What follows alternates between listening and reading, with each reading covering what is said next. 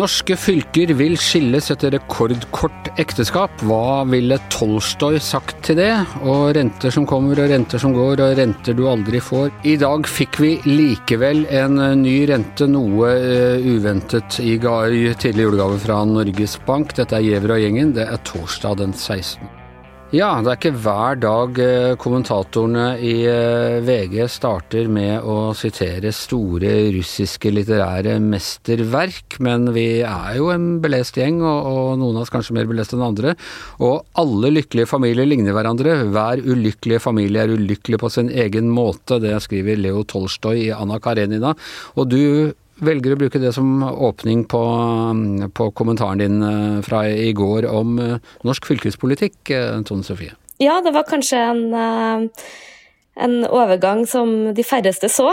Minst av alt Lea Tolstoy, vil jeg tro. Men når vi nå har beskua denne regionreformen og hvordan den har utvikla seg, og ikke minst den der eh, skilsmisseboomen vi ser nå, så syns jeg vel egentlig at det passer ganske bra. Det er mye ulykke på forskjellige måter. Jeg må si det, det, det, passer veldig, veldig godt. og det er en, Som kommentator, for å ta sånn litt sånn internkommentatorgreie, det er en egen tilfredsstillelse når du finner et eller annet sånn du kan bruke et sitat som ikke er brukt i hjel, og som passer så godt på et eller annet. Ja, det, jeg har alltid vært litt glad i litt sånn eh, referanser og sånn, og det syns jeg egentlig vi får gjort det litt for lite. Ja. Men altså, det er eh, norske uh, fylkeskommuner som er i uh, Det er store samlivsproblemer, det må vi si. Det er litt som norske kjernefamilien på 70-tallet. Dette er det rett og slett bare uh, går i oppløsning over hele landet. Men altså um, Aller først da uh, Troms og Finnmark. De uh, tok ut separasjonen på onsdag. Ja, de,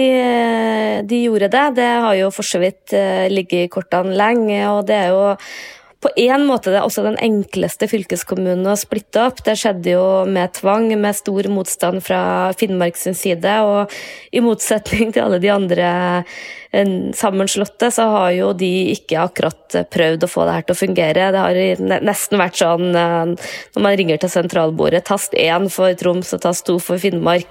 Eh, eh, men, men det er ikke så vel. For samtidig så er det vel også den regionen som kanskje har størst utfordringer med å klare seg alene, og da tenker jeg jo særlig på Finnmark. Ja, og det er ikke alle i Finnmark som har ønsket det heller, å, å splitte seg opp, altså? Nei, overhodet ikke.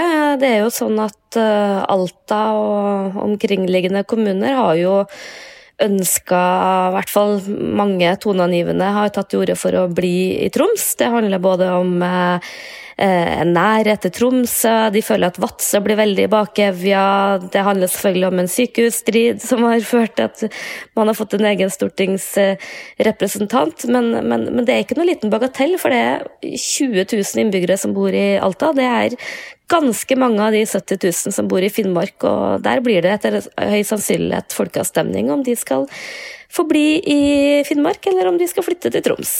Og Hva tror du blir resultatet av den folkeavstemningen? Jeg, jeg vet ikke. Jeg tror sånn eh, Hvis folk skulle valgt med hjertet, så tror jeg vel kanskje at mange ønsker seg til Troms. Men jeg tror nok at det vil være fryktelig vanskelig både for Finnmark og også for eh, denne regjeringa svelge, da. Ja, for det er, altså tar du Alta ut av Finnmark, det er Ja, det er også den regionen med mest eh, optimisme og vekstkraft, da, for å bruke sånn politikerord. For det, et av Finnmarks virkelig store problemer rundt på de videregående skolene er at det er jo så få elever der at det er jo klasser der med to-tre elever. Det er kjempedyrt å holde i drift. Og når man ser på befolkningsutviklinga, så er det jo mange av kommunene i Finnmark hvor det liksom fødes liksom et par-tre unger i året. Så det er eh, kjempealarmerende. Så og det er jo Finnmark sitt problem, at de har jo ikke råd til å opprettholde den drifta de har i dag. Så deres håp er jo at de skal få noen spesialordninger eller mer penger, eller Det, det er mye trøbbel, da. Det kan de vel med den finansministeren vi har nå?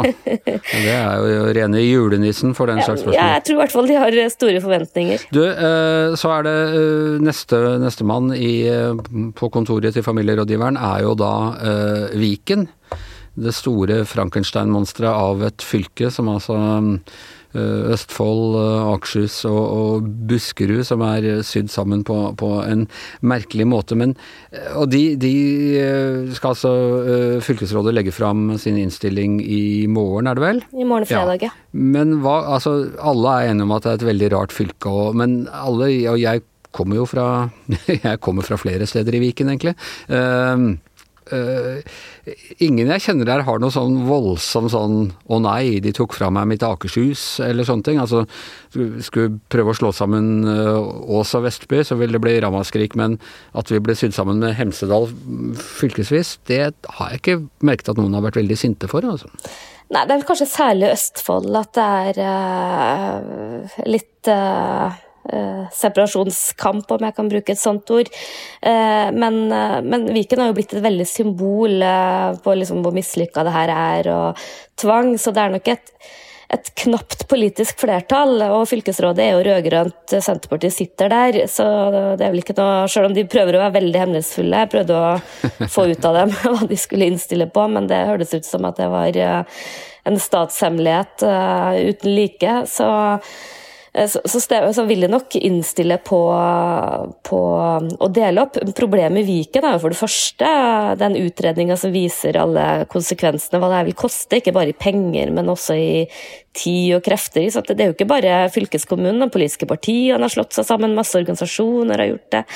Så det er jo det er veldig mye krefter. Altså, I motsetning til i nord, da, så er det liksom ikke noe det er ikke noe sånn stor entusiasme i Akershus eller Buskerud for yes, nå får vi fylket vårt tilbake. Nei, dette er blitt en sånn politisk prestisjesak, da, for kanskje særlig da det ene regjeringspartiet, og eh, for alle disse som de siste årene har holdt på med det at man sitter i Oslo og vedtar sammenslåinger og øh, bare styrer med, med, sitter med planer og kart og skjønner ikke hvordan folk har det og, og i det hele tatt. Og nå må de bruke all, all tiden og ressursene på å øh, dekonstruere noe som øh, egentlig ikke trengs å dekonstrueres. Ja, og det er jo det som er Det er jo derfor denne situasjonen er så ulykksalig for å ta Tolstoy igjen. Ikke sant? Det eh, er jo, kan ta flere år i denne skilsmisseprosessen. Det er vel 2024 har jeg sett anslag om at uh, Troms og Finnmark kan gå fra hverandre. Og det vil jo i realiteten være flere år hvor de vil sitte sånn, en sånn sjakkmattposisjon. Det er vanskelig å gjøre store beslutninger beslutninger om lokalisering og sånn når man, eh, når man er i en eh, sånn skilsmisseprosess. Hvem skal barna? Og det, jo, det, var jo en eh, reform som veldig få ønska, som man ikke har gjort noe særlig for å få til å fungere, men som, hvor det heller ikke er noe særlig oppside med å, med å skilles. Men det er blitt en veldig viktig symbolsak. og et sånt eksempel på her skal liksom de borgerliges reform reverseres. Hva med, hva med altså Eh, Trøndelag har jo inntil nå vært sett på som lykkelige, det lykkelige tvangsekteskapet. Eh, de fins de òg. Men nå murrer det også i, eh, i særlig Nord-Trøndelag?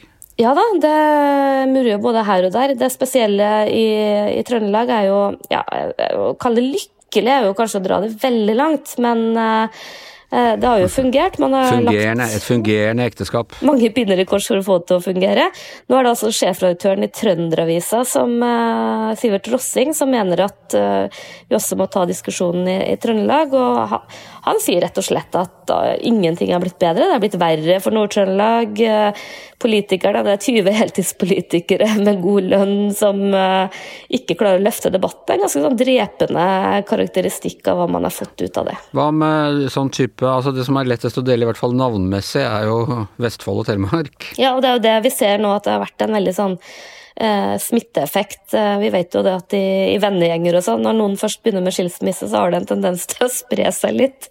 Og hvor flere kommer på tanken, og det har vi jo sett nå. I, i, i Vestfold og Telemark så eh, beslutta vel eh, fylkestinget her i vekka at de ikke skal ha folkeavstemning om skilsmisse, men man har jo også gjort en del eh, undersøkelser eh, blant folk, og stort flertall blant folk der om å skille de to fylkene. Så jeg så at det var noen Senterpartipolitikere nå som var dypt skuffa over at eh, de ikke får Telemark tilbake. Ja. Innlandet? Ja, Innlandet er jo en av de som virkelig er spennende. For det har man jo også tenkt at det her har fungert eh, på et slags vis. Man er jo ganske sindig der inne, men der har det blitt skikkelig drama. Det var én stemmes overvekt, en Arbeiderpartipolitiker som brøyt ut av sin egen gruppe og sørga for at det ble flertall for uh, folkeavstemning. Nå er det for øvrig snakk om at han skal bli ekskludert fra Arbeiderpartiet, så det er mye drama. Men eh, det som i hvert fall skjer på Innlandet, at det blir en eh, folkeavstemning om, eh, om de skal skille seg. Eller ikke en rådgivende folkeavstemning, da, vel å merke. Og ja, ja. Det som er interessant, er jo at vår finansminister fra Hedmark han har jo sagt til VG tidligere at han vil stemme for separasjon. Rådgivende folkeavstemninger det er jo stort sett det vi, det vi uh, har hatt i Norge. Og så ja. er det opp til politikerne om de vil gå mot folkets råd. Det er ikke mange politikere som vil tørre uh, i dette landet, tror du det?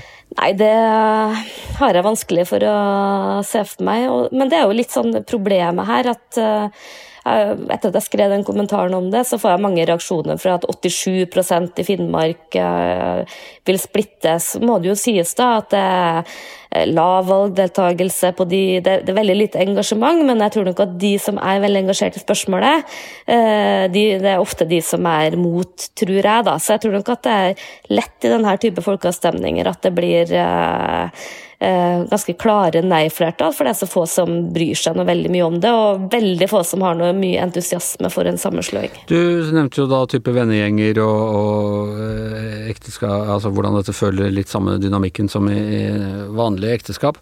Kan vi se for oss at dette har vært litt for tidlig? At, eh, at Eh, å slå sammen og sånne ting. Folk de trenger mer tid. Det er ikke deg, det er meg, bla, bla, bla. bla. De splittes opp igjen, og så trekker de seg litt tilbake. Så er den økonomiske utviklingen i, i Norge og verden som den er, og så om ti års tid så begynner man å si at kanskje det hadde vært lurt å slå, slå seg sammen. Er det mulig, eller er det nå da for eh, Går vi inn i tusenårsriket her med disse fylkene? Ja, det kan se ut som uh, vi gjør det. Jeg tror nok at uh, jeg blir overraska om uh, Vestfold og Telemark de har jo sagt nei nå, og om Innlandet faktisk splittes. Men Viken og Troms og Finnmark gjør jo det. Og, det, men det som taler for det, da, som er liksom kanskje det aller svakeste grepet til den forrige regjeringa, er jo at fortsatt så følger jo eh, stortingsnominasjon følger jo de gamle fylkesgrensene. Så selv om man har fortsatt med Viken, eller sånn, så må man jo på en eller annen måte ha et, det gamle fylket hvor man velger stortingsrepresentanter. Og det har liksom ikke vært noe ønske om å endre det til de nye regionene. Så det er, det er liksom galt nesten uansett hvordan du vender og vrir på det. Ja, rett og slett ulykksalig. Ja, sånne politiske fantomfylker som, eh, som Eh, det blir nesten så det blir et fjerde nivå, når du i tillegg må ha et, det gamle fylket for å velge stortingsrepresentanter på en eller annen måte. Så det er litt sånn Ja, det er ganske snålt. Det er et uh, hva skal vi si, et luksusproblem i oljealderen for, øh, for Norge, men, men et uh, Altså, det vekker så sterke følelser, selv om folk ikke deltar i disse folkeavstemningene og sånne ting, så er det sånn som vekker veldig sterke følelser i Norge? eller?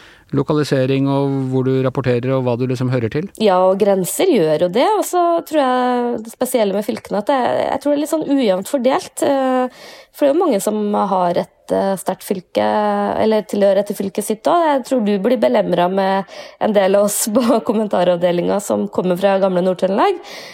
Vi belemrer jo dere ofte med Nord-Trøndelagsnytt, men det er veldig sånn ujevnt fordelt av det engasjementet. Men for en del av de som har det, så er det veldig sterkt. Men jeg har sagt det før, jeg sier det igjen. Dere fra Trøndelag er liksom de mest suverene i alle sånne distriktsdebatter. Er liksom så ja, overbevist om at Nord-Trøndelag, eh, Anders, jeg må presisere. Særlig Nord-Trøndelag, ja. Dere er liksom dere, dere, sutrer ikke. Det skal dere ha. Det er liksom en sånn Nei, vi er bare best, vi. Så det er eh, ja. Ok. Eh, tusen takk skal du ha, Tone, Tone Sofie. Vi kommer tilbake til denne saken, det tror jeg vi kan være helt sikre på.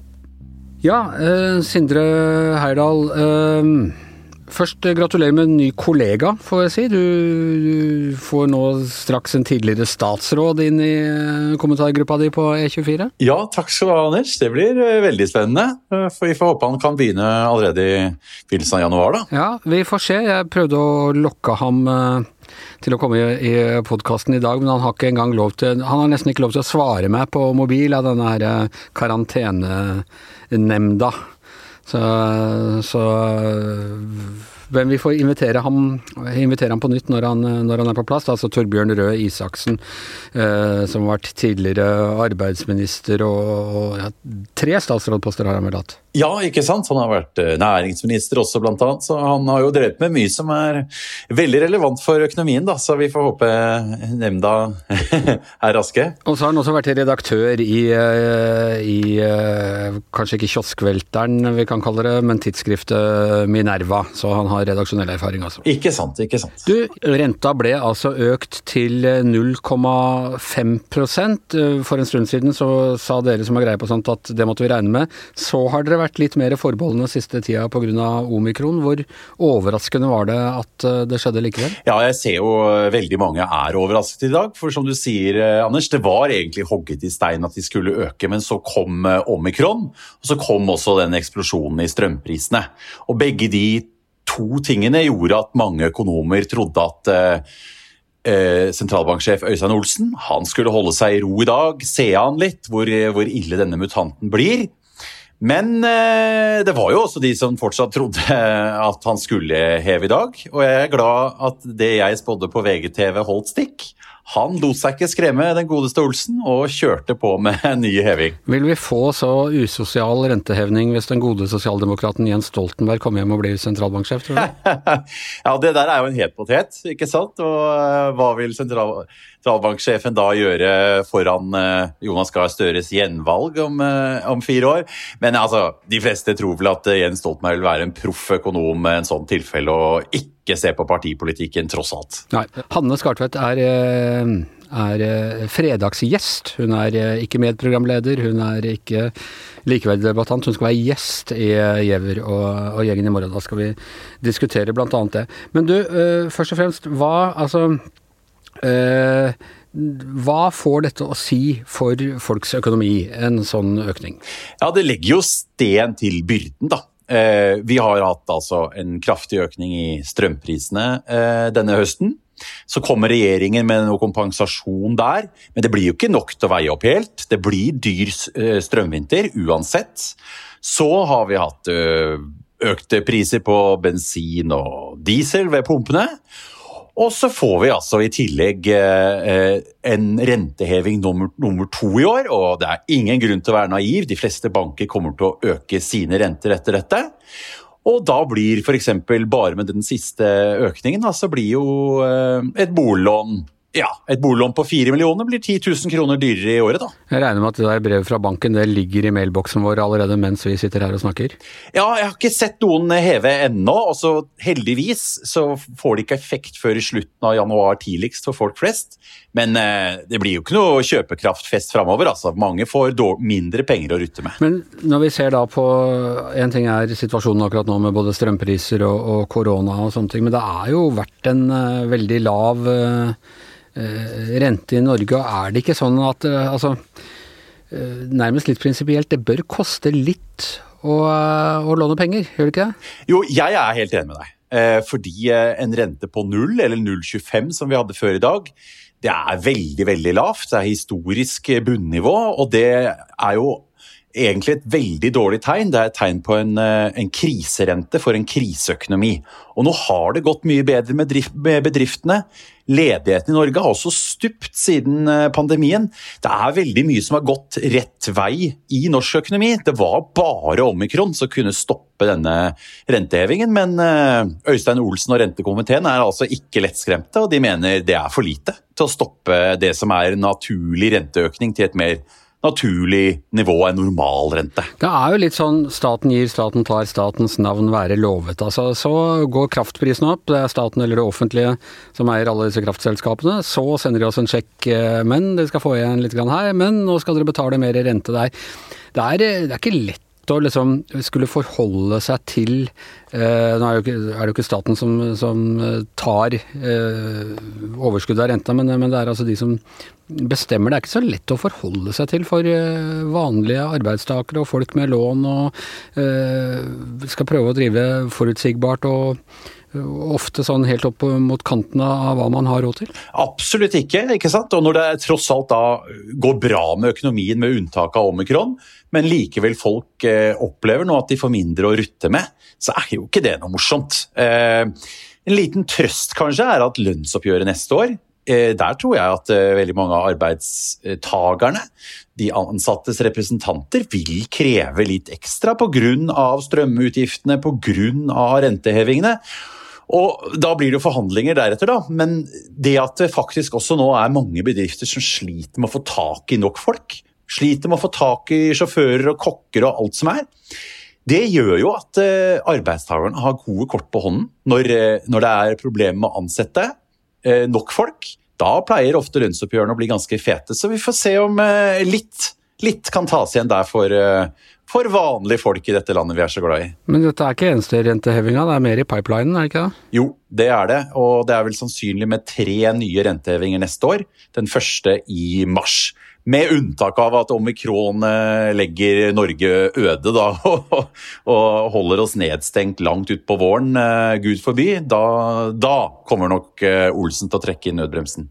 Før, ja, før han går av, da. Han går jo snart av òg. Så da forlanger vi bare litt mer lønn, og så noe mer sånne strømsjekker og sånne ting, og så blir det checks and balances. Går vi i null til slutt, tror du det? Ja, det blir en sånn spiral her av, av effekter. Men jeg tror skal, det skal holde hardt å gå i null i år. I år får vi nok redusert kjøpekraft, de fleste av oss, så jeg er ikke så veldig optimistisk for uh, neste år heller. Ok, uh, vi, vi, får se. Det ble altså en renteheving på, på tross av det av det mange hadde trodd, men Sindre hadde altså forutsatt at det kom til å bli det. Så fortsatt å høre på Gjever og gjengen, hvor Sindre stadig deltar med sine glimrende, klervoyante innsikt inn i fremtidens rentemarked, får vi, får vi nesten si. Og jeg kunne jo ha bommet òg, det er farlig å stikke hodet ut. Eh, det går gærent iblant òg, det. Brexit og Trump, ser jeg bare. Ok, eh, det var det vi hadde for Gjever og gjengen eh, for i dag. På hvert sitt hjemmekontor, Tone Sofie Aglen og Sindre Heirdal. Jeg heter Anders Giæver. og mannen som produserer oss med rente og renters rente, er som vanlig produsent Magne Antonsen.